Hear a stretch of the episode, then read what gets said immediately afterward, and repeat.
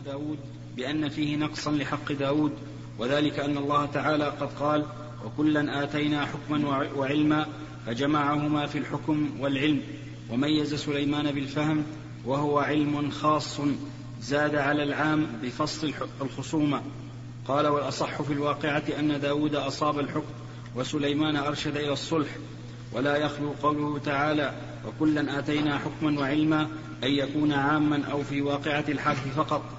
وعلى التقديرين يكون أثنى على داود فيها بالحكم والعلم فلا يكون من قبيل عذر المجتهد إذا أخطأ لأن الخطأ ليس حكما ولا علما وإنما هو ظن غير مصيب وإن كان في الواقعة فلا يكون تعالى أخبر وإن كان في غير الواقعة فلا يكون تعالى أخبر في هذه الواقعة بخصوصها عن داود بإصابة, بإصابة ولا خطأ. وغايته أنه أخبر بتفهيم سليمان ومفهومه لقب والاحتجاج به ضعيف فلا يقال فهمها سليمان دون داود. وإنما خص سليمان بالتفهيم لصغر سنه فيستغرب ما يأتي به. قلت ومن تأمل ما نقل في القصة ظهر له أن الاختلاف بين الحكمين كان في الأولوية لا في العمد والخطأ. ويكون معنى قول الحسن حمد سليمان أي لموافقته الطريق الأرجح. ولم يذم داود لاقتصاره على الطريق الراجح وقد وقع لعمر رضي الله عنه قريب مما وقع لسليمان وذلك أن بعض الصحابة مات وخلف مالا له نماء وديونا فأراد أصحاب الديون بيع المال في وفاء الدين لهم فاسترضاهم عمر بأن يؤخروا التقاضي حتى يقبضوا ديونهم حتى يقبضوا ديونهم من النماء ويتوفر لأيتام المتوفى أصل المال. فاستحسن ذلك فاستحسن ذلك في نظره ولو أن فاستحسن ذلك من من نظره. استحسن ذلك من نظره. استحسن ذلك من نظره. فاستحسن ذلك من نظره. ولو أن الخصوم امتنعوا لما, لما من لما, لما منعهم من البيع. وعلى هذا التفصيل يمكن تنزيل قصة أصحاب الحرث والغنم والله أعلم. وتقدم في أحاديث الأنبياء شرح القصة التي وقعت لداود وسليمان في المرأتين اللتين أخذ الذئب ابن إحداهما واختلاف حكم داود وسليمان في ذلك وتوجيه حكم داود بما يقرب بما يقرب مما ذكر هنا في هذه القصة ووقعت لهما قصة ثالثة في التفرقة بين الشهود طيب القصة هذه ما ما أعطاني ها؟ قبل هذا ولا بعده؟ بعده؟ طيب كمل ووقعت لهما قصة ثالثة في التفرقة بين الشهود في قصة المرأة التي اتهمت اتهمت بأنها تحمل على نفسها فشهد عليها أربعة بذلك فأمر داود برجمها فعمد سليمان وهو غلام فصور مثل قصتها بين الغلمان ثم فرق بين الشهود وامتحنهم فتخالفوا فدرأ عنها ووقعت لهما رابعة في قصة المرأة التي صب في دبرها ماء البيض وهي نائمة. وقيل إنها زنت فأمر داود برجمها فقال سليمان يشوى ذلك الماء فإن اجتمع فهو بيض وإلا فهو مني. فشوي فاجتمع وأخرج عبد الرزاق بسند صحيح مسروق. قال كان حرثهم عنبا نفشت فيه الغنم أي رعت ليلى فقضى داود بالغنم لهم. فمروا على سليمان فأخبروه الخبر فقال سليمان لا ولكن أقضي بينهم أن يأخذوا الغنم فيكون, فيكون لهم لبن لبنها وصوفها ومنفعتها ويقوم هؤلاء على حرثهم حتى إذا عاد كما كان ردوا, ردوا عليهم غنمهم. وأخرجه الطبري من وجه آخر لين فقال فيه عن مسروق عن ابن مسعود. وأخرجه ابن مردوية والبيهقي من وجه آخر عن ابن مسعود وسنده حسن. وعن معمر عن قتادة قضى داود أن يأخذوا الغنم ففهمها الله سليمان فقال خذوا الغنم فلكم ما خرج من رسلها وأولادها وصوفها إلى الحول. وأخرج عبد بن حميد من طريق ابن أبي نجيح عن مجاهد قال أعطاهم داود رقاب الغنم بالحرف فحكم سليمان بجزه الغنم بجزة يا شيخ جز جز الغنم مصروف يعني. بجزة. جزة فحكم سليمان بجزة الغنم وألبانها لأهل الحرث وعليهم رعايتها ويحرث لهم أهل الغنم حتى يكون كهيئة يوم أكل يوم أكل ثم يدفع لأهله ويأخذون غنمهم. وأخرج الطبري القصة. أنا أقول القصة هذه فإنها داود حكم بأن الغنم لأهل الحرث. ولا شك أن قيمة الغنم مقاربة للحرث الذي وكل لكن رأى سليمان رأي آخر وهو أحسن لئلا يحرم أهل الغنم غنمهم وهو أن يقوموا على الحرث حتى يعود كما كان وأصحاب الحرث يأخذون هذه الغنم فينتفعون بها عوضا عما فاتهم من حرثهم فيجمع بين المصلحتين. وعلى ولكل على كل من الحكمين أو وإلى كل من الحكمين ذهب بعض أهل العلم. فمن العلماء من قال يضمن الزرع بما نقصت فإذا كانت قيمة الغنم بمقدار ما نقص من الزرع أخذها أصحاب الحرث. وإن كانت أكثر وأقل فبحسب. ومنهم من رأى أن أن يكون الحكم كما قال كما قال سليمان. المهم الآية لم تتعرض للواقع. إنما تعرضت للحكم. قال ففهمناها سليمان. وكلا آتينا حكما وعلما. وهذا يسميه, يسميه علماء البلاغة الاحتراس. لأنه إذا قال ففهمنا سليمان فقد يقع في النفس نقص سليمان. نعم داود. قد يقع في النفس نقص داود. فقال وكلا آتينا حكما وعلما أي قدرة على الحكم وعلم يهتدون به إلى الحكم. وفي الآية إشارة دليل على أن الفهم غير العلم وهو كذلك. فإن من الناس من يعطيه الله علما ولكنه ينقصه الفهم ومنهم من يكون بالعكس. قال فحمد سليمان ولم يلم داود. حمد سليمان لقوله ففهمناها سليمان. ولم ولم يلم داود بل مدحه في قوله وكلا آتيناه حكما وعلما. فدل هذا على أن الإنسان إذا اجتهد وأخطأ فإنه لا يلام. ولولا ما ذكر الله من أمر هذين لرأيت أن القضاة هلكوا. صحيح. يعني لولا أن الله ذكر قصة داود سليمان وأن الفهم كان لسليمان وداود لم يلم لهلك القضاة لأنهم يجتهدون كثيرا فيخطئون. فإنه أتى فإنه أثنى على هذا بعلمه وعذر هذا باجتهاده رحمه الله. وقال مزاحم بن زفر قال لنا عمر بن عبد العزيز خمس إذا أخطأ القاضي منهن خصلة وفي نسخة خطة كانت فيه وصلة أي كان فيه عيب أن يكون فهما. فهما أي ذا فهم. ولعله أراد بالفهم الفراسة لأن الفراسة مهمة بالنسبة للقاضي. فإن كثيرا من القضاة يعرف المحق والمبطل بما يرى على وجوههما.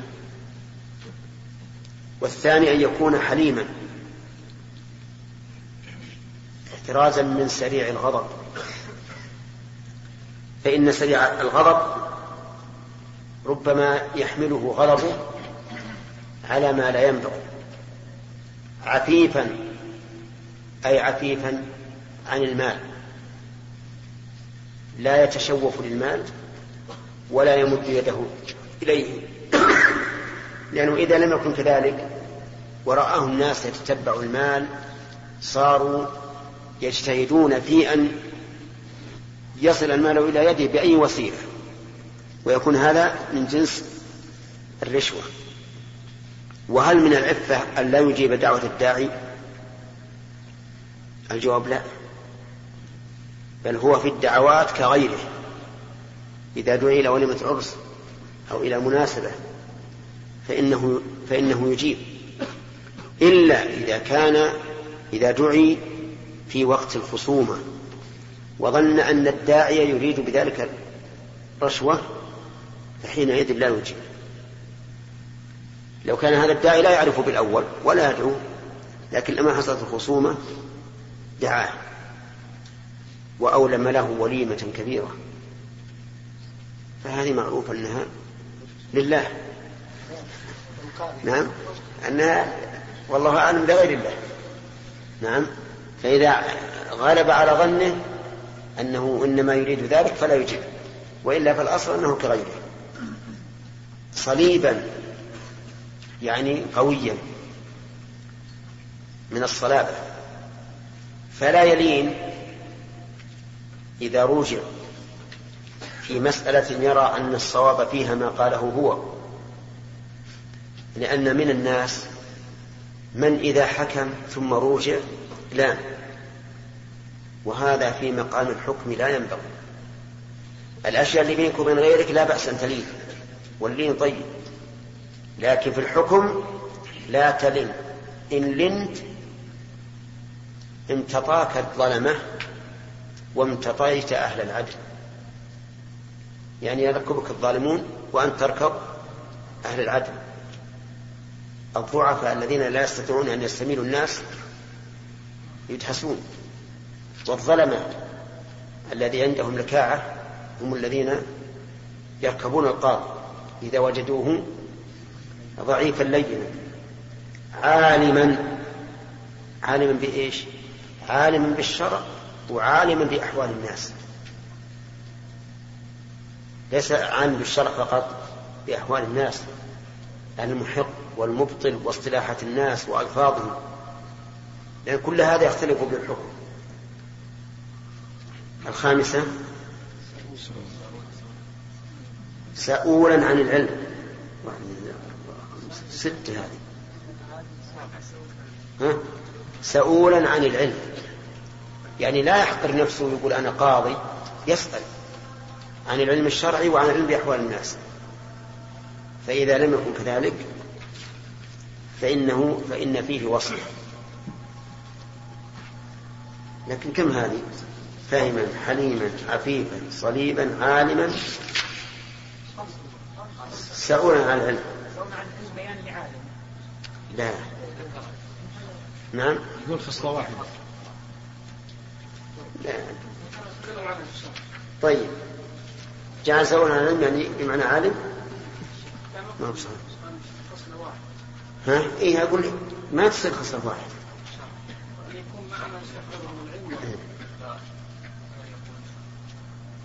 يمكن النسخة فيها خطأ النقل. نعم. السادس الخامس لأن كمال لأن كمال العلم لا إلا بالسؤال نعم. صحيح. هو العلم من تمام السؤال. لكن لا ليس معناه إنه هو العلم. على كل حال نحن الآن نعتذر. والاعتذار بابه. بابه واسع ولا هذه غير هذه لا شك. طيب الليلة المقبلة وليلة الثلاثاء عندي شغل وصلى الله وسلم على نبينا محمد وعلى آله وصحبه وسلم تسليما كثيرا. قال البخاري رحمه الله تعالى باب رزق الحاكم والعاملين عليها وكان شريح القاضي يأخذ على القضاء أجرا. وقالت عائشة يأكل الوصي بقدر عمالته. وأكل أبو بكر وعمر.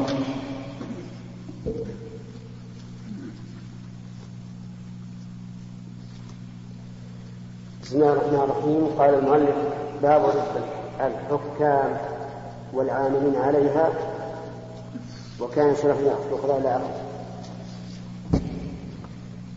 سبق لنا أن القضاء فرض من فروض الكفايات وكل فرض فإنه لا يجوز أن تؤخذ الأجرة عليه. بأن يشارك القاضي فيقال اقضي بين الناس بأجر قدره كذا وكذا. ولكن الرزق الذي من بيت المال لا شيء فيه لأن بيت المال موضوع لمصالح المسلمين. فإذا قدر ولي الأمر أن للقاضي كذا وللإمام كذا وللمدرس كذا فهذا مجرد تقدير وليس بوجه وأما العاملين عليها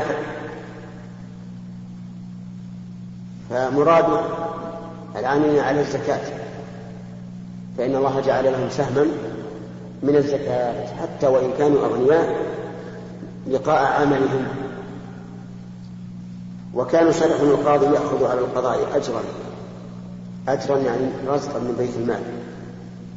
وقالت عائشة يأكل, يأكل الوصي بقدر عمالته يأكل الوصي من مال الموصى عليه. يأكل بقدر عمالته لقول الله تعالى من كان غنيا فليستعفف ومن كان فقيرا فليأكل بالمعروف. وأكل أبو بكر وعمر. يعني من بيت المال. والحاصل أن ما يعطاه القائمون بالمصلحة العامة من قضاء أو تكريس أو إمامة أو أذان أو غيره. من بيت المال ليس بأجرة ولكنه رسم.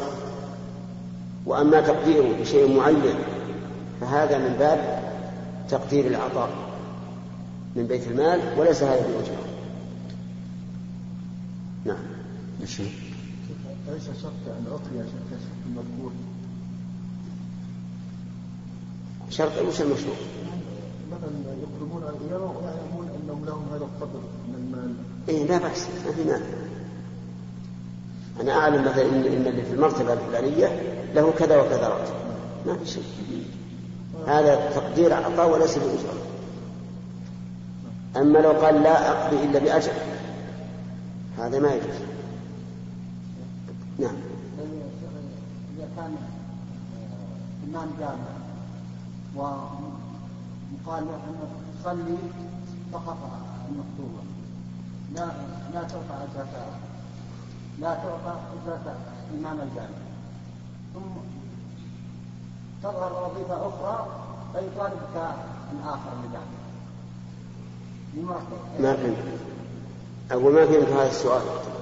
يكون معين إمامة جامع إمامة مسجد معين. إمامة مسجد معين جامع طيب. في مرتب مسجد غير هذا الجامع يعني بياخذ وظيفتين لا. هو معين على اسم المسجد الجامع ويصلي في الجامع. وياخذ إيش؟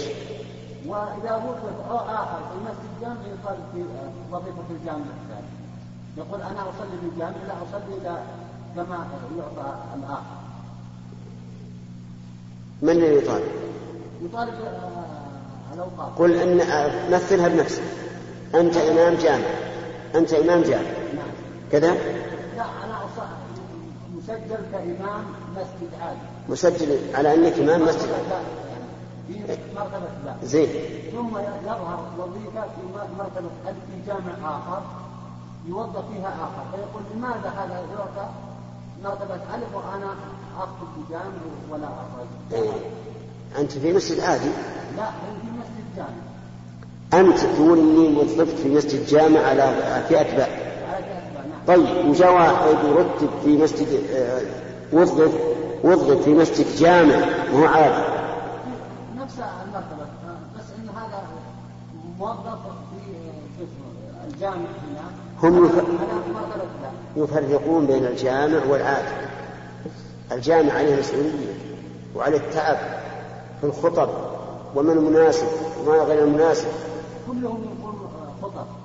الفرق فقط في ان هذا لم يوجد وظيفة فئه الف يوم كان الجامع هذا شاعر أنت قلت يا أخي قلت م- موظف في مسجد عادي. وش معنى عادي؟ يعني غير جامع. أنت تقول إني موظف في مسجد عادي. في أتباع. وجاء واحد وظفوه في مسجد جامع فئة ألف وقلت والله ما أعطيكم مثله هو المسجد مسمى جامع ولكن وظفوه على وظيفة باء سؤالي هل هو جامع ولا لا؟ المسجد اللي أنت فيه هل هو جامع ولا لا؟ اترك كليهما أسألك عن مسجدك اللي أنت فيه جامع ولا لا؟ طيب على على فئة باء تصير ولا لا؟ نعم ليش ليش تقول تو عادي؟ راتب لا أنا من أنا أسأله هو جامع ما بسال عن الراتب. أنا أبيكم جزاك الله خير إذا سألتم تجيبون حسب السؤال. كيف لنا شوي نروح إحنا وياك؟ لا هو الآن أنت اسمع اسمع الآن أنت موظف في مسجد جامع تقام فيه الجمعة. تصير كذا ولا لا؟ على فئة باء. وجاء إنسان آخر وظف في مسجد جامع تقال في الجمعة على مرتبة ألف كذا ولا لا؟ فتسأل تقول ليش ما أعطى مثله هذا هو. طيب. قال النبي عليه الصلاة والسلام لعمر ما جاءك من هذا المال وأنت غير مشرك ولا سائل فخذه وما لا فلا تحرمه نفسك. لا تسأل. خذ ما أعطوك ودع ما لم يكن نعم.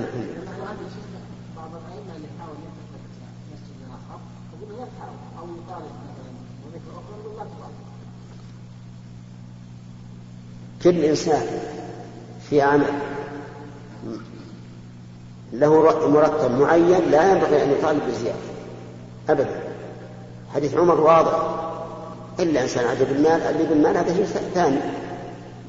فما دام أنت في هذا المسجد وراتب في أتباع احمد الله.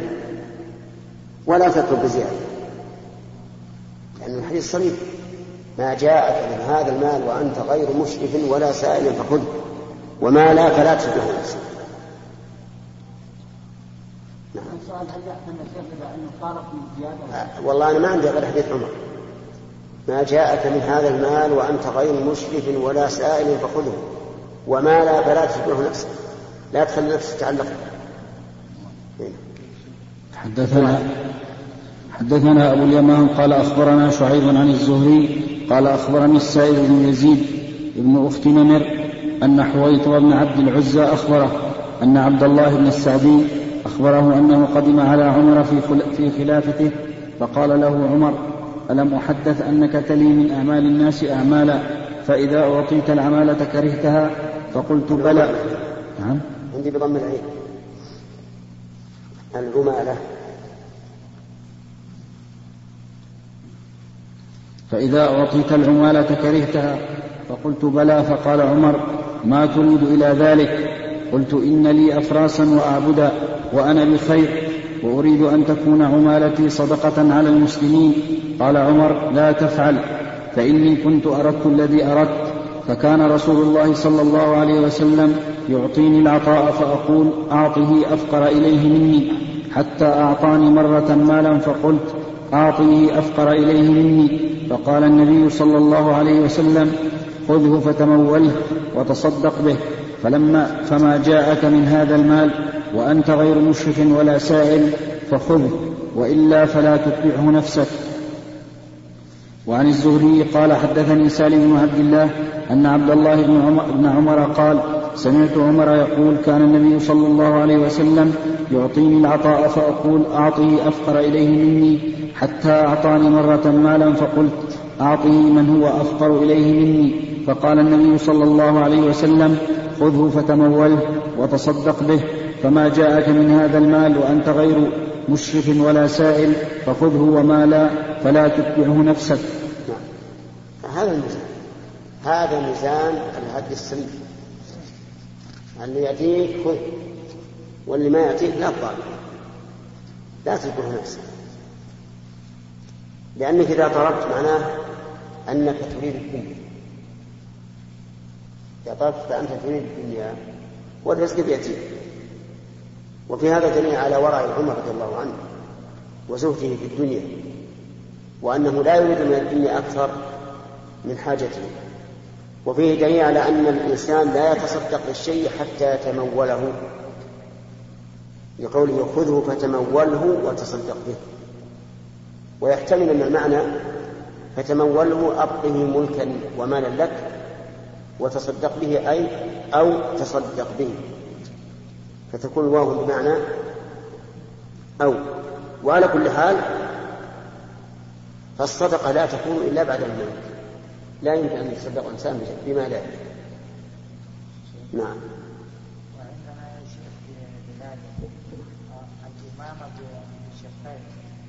إما يأخذ راتب من أهل الديانة عشرين على هذا على هذا خمسين على هذا نعم. وإما على زكاة كون الزكاة في أهل الديانة كل شيء. وبعض.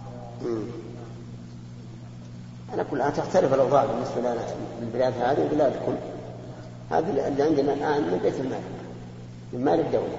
وهذا جائز أي. الذي يأخذ زكاة منهم خالص الزكاة ما دام فقيرا فهو من أهل الزكاة.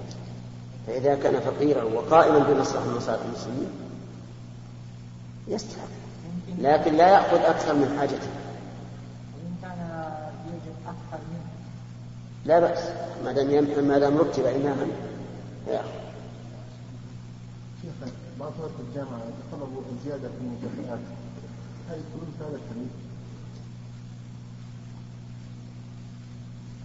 ما الذي أخرجه؟ محمد. الله هذا تفاوت الاعمال في التعادل في المدة. لكن لا ليس كبير الغرف لأنه أطالب يوجد أكثر لأن ليس أكثر عملا يطلب مشقه وافضل أيام. إذا كان العمل دنيا تبي تبنينه بيت. أو تبي تبنينه غرفة. وقلت ما أبني البيت إلا بمئة والغرفة بعشرة. هذا لا بأس. لكن أعمال عامة تتعلق بها مصالح المسلمين. تبي تآجر عليها مؤاجرة؟ الإمام أحمد قيل له إن إن فلانا قال لا أصلي بكم رمضان إلا بكذا وكذا.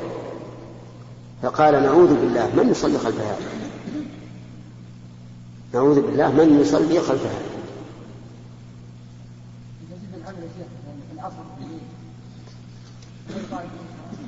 هم على كل حال هذه يسمونها يسمونها أظن أعمال إضافية أو خارج دوام. هذه يعطون الكل في ناس الآن يعطون خارج دوام من لا يعلم لكن لا نرى هذا جائزا.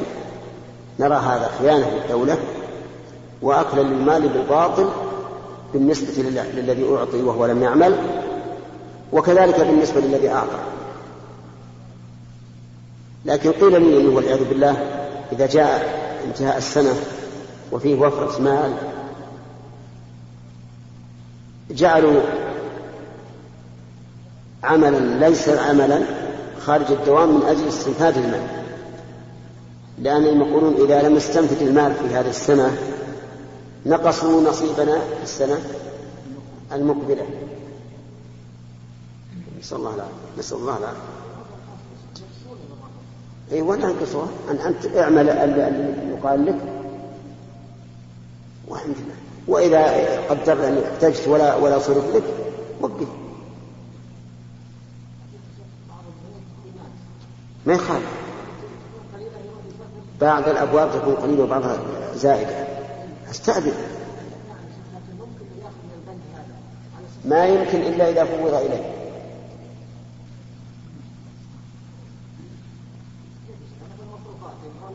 إذا قال لك المسؤول عن المال الدولة إذا انتهى باب وفي الباب الثاني توفير فأضف إلى هذا الباب من الباب الثاني.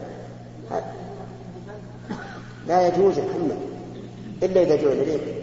أنت مأمور تتصرف حسب ما أعطيت خلاص. وزير المالية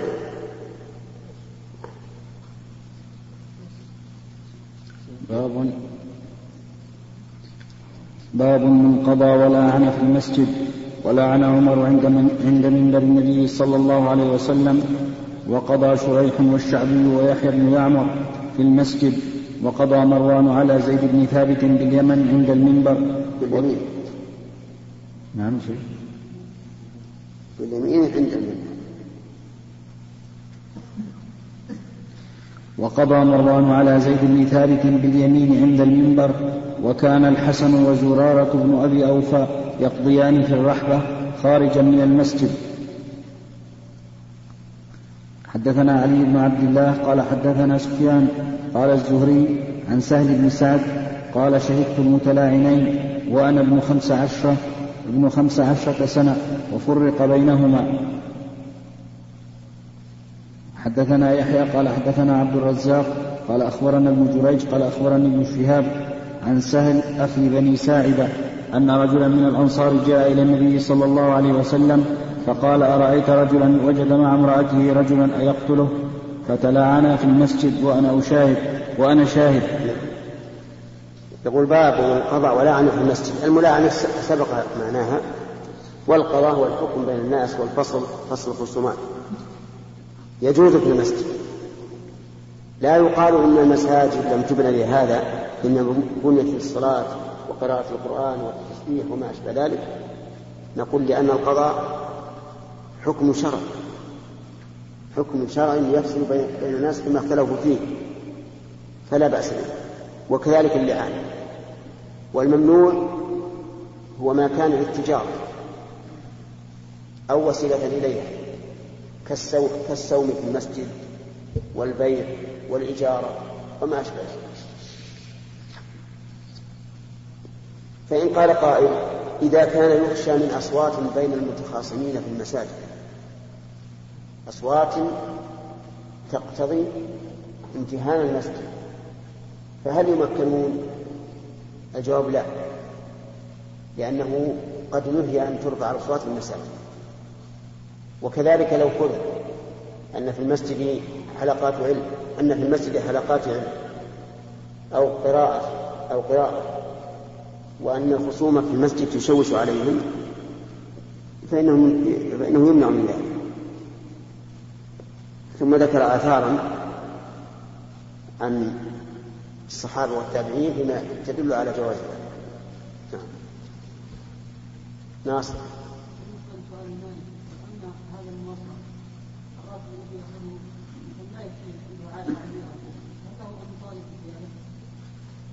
يطالب بالزيادة يعطى من حق الفقراء.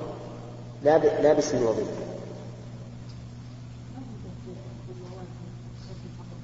لا في عندنا بالنسبة للسعودية الضمان الاجتماعي. شيء يسمى الضمان الاجتماعي. ها؟ موجود عندكم.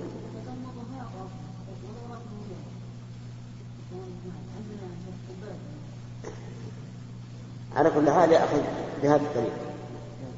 عبد الله؟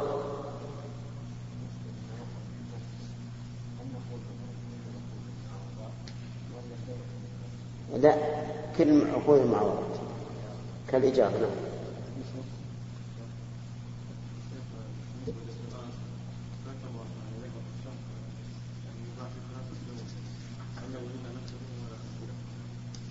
ولا إيش؟ ولا إيش؟ يلح. ولا إيش؟ نعم.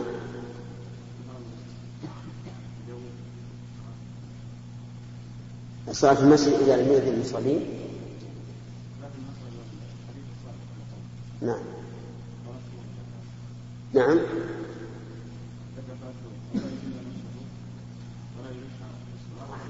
هو ما من إنسان يسأل إلا قد أذن نفسه.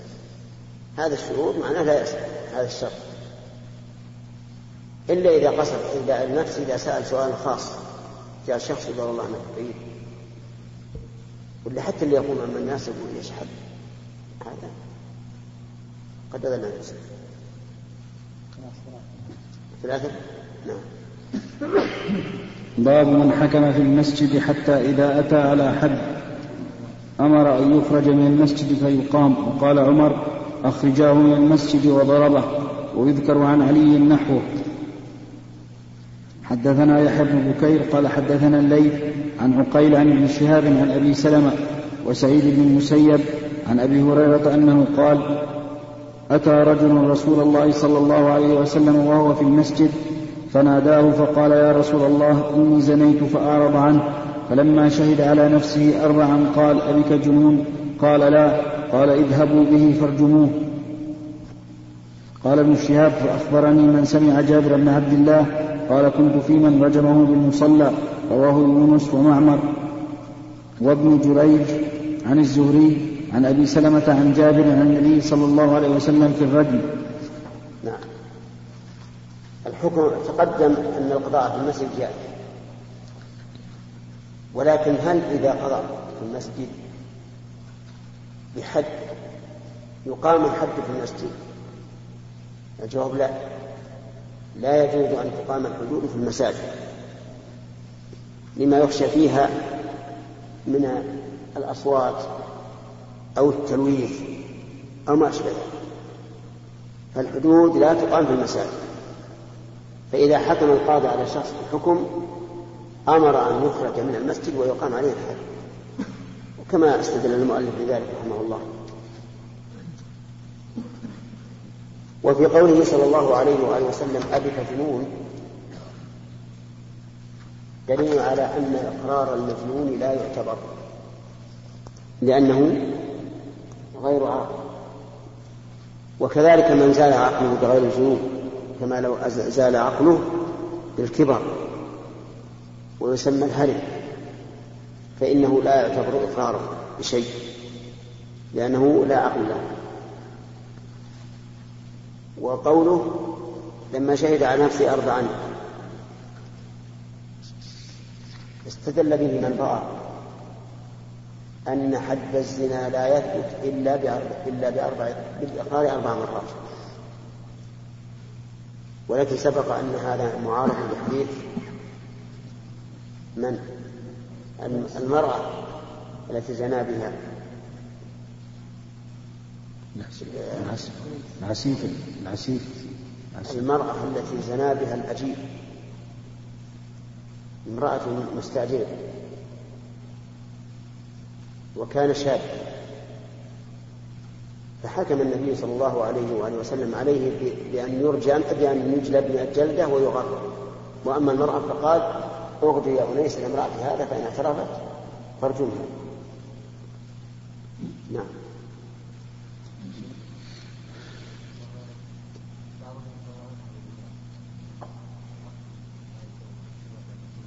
كيف؟ آه. آه.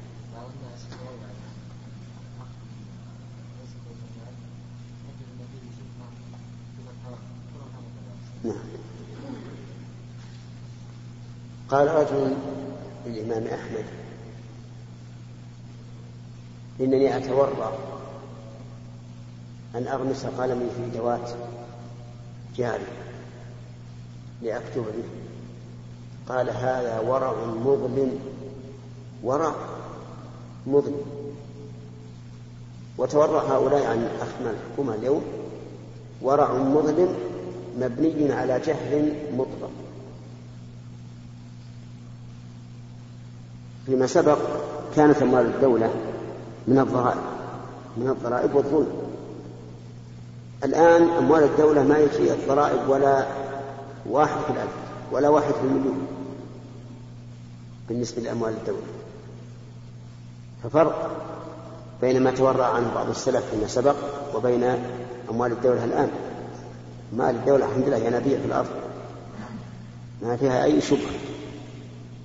بخلاف ما, ما, سبق.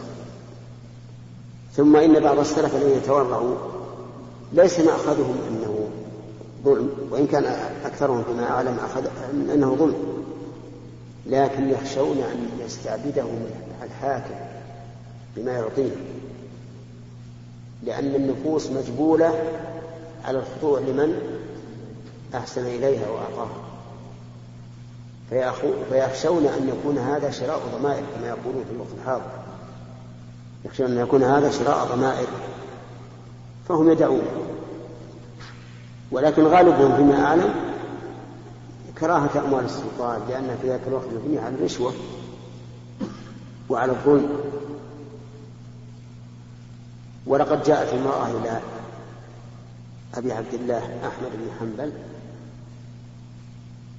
وقالت يا أبا عبد الله السلطان يمر بنا بأنواره فيزداد عملنا في النسيج من أجل قوة النور. فهل يحل لنا تحل لنا هذه الزيادة؟ سبحان الله. قال نعم تحل. لأنكم ما هو أنتم جئتوا تعمدتم تنسجون على هذا الضياء فلما أكبرت كأن الإمام أحمد فكر. قال هذا سؤال سؤال ما يأتي من إنسان عادي لا بد أن هناك سبب. فقال لمن إلى جنبه من هذه؟ قال هذه أخت إبراهيم بن أدهم. أخت إبراهيم بن أدهم قال ردوها. فردوها فقال لا تفعلي. من بيتكم خرج الورى. شوف أفتاه بالأول بالحلم. ظنها امرأة عادية. وأفتاها الأخير قال لا تفعل لأن هناك فرق بين ثوب الوسخ ثوب الوسخ إذا جاء نقطة وسخ آخر. نعم. ما يأثر عليه ولا يبين لكن ثوب نظيف ما فيه ولا عين جراد من الوسخ. لو يأتيه أدنى شيء أثر عليه. وهذا من فقهه رحمه الله. أن الإنسان قد يفتى بشيء حسب ما في حاله بس بشرط أنه في حدود الشرع. وفي أيضا نسيت أظن طاووس أو غيره من التابعين أفتى ولده بشيء. وكأن الولد يعني رآه شديدا قال إما أن تقبل وإلا أفتيتك برأي فلان. يعرف الولد يعرف رأي فلان. أشد مما أفتاه أبوه؟ نعم. حبيبي. نعم.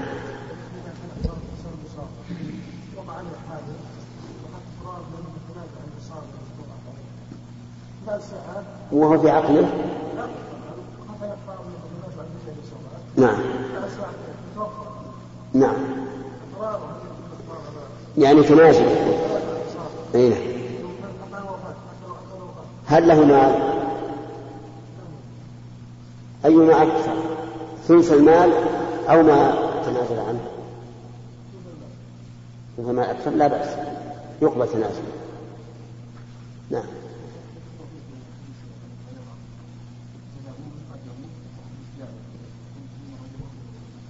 إي نعم. المصلى هذا مصلى الجنائز أو مصلى العيد ليس هو المسجد. لا. نعم. باب موعظة الإمام للخصوم حدثنا عبد الله بن مسلمة عن مالك عن هشام عن أبيه عن زينب ابنة أبي سلمة عن أم سلمة رضي الله عنها أن رسول الله صلى الله عليه وسلم قال إنما أنا بشر وإنكم تختصمون إلي. ولعل بعضكم أن يكون ألحن بحجته من بعض فأقضي على نحو ما أسمع فمن قضيت له بحق أخيه شيئا فلا يأخذ فإنما أقطع له قطعة من النار. هذا هذا من إن القاضي يعظم بمثل هذا لا سيما إذا ارتاب في احدهما فليعرف وفي هذا الحديث دليل على تواضع النبي صلى الله عليه وآله وسلم.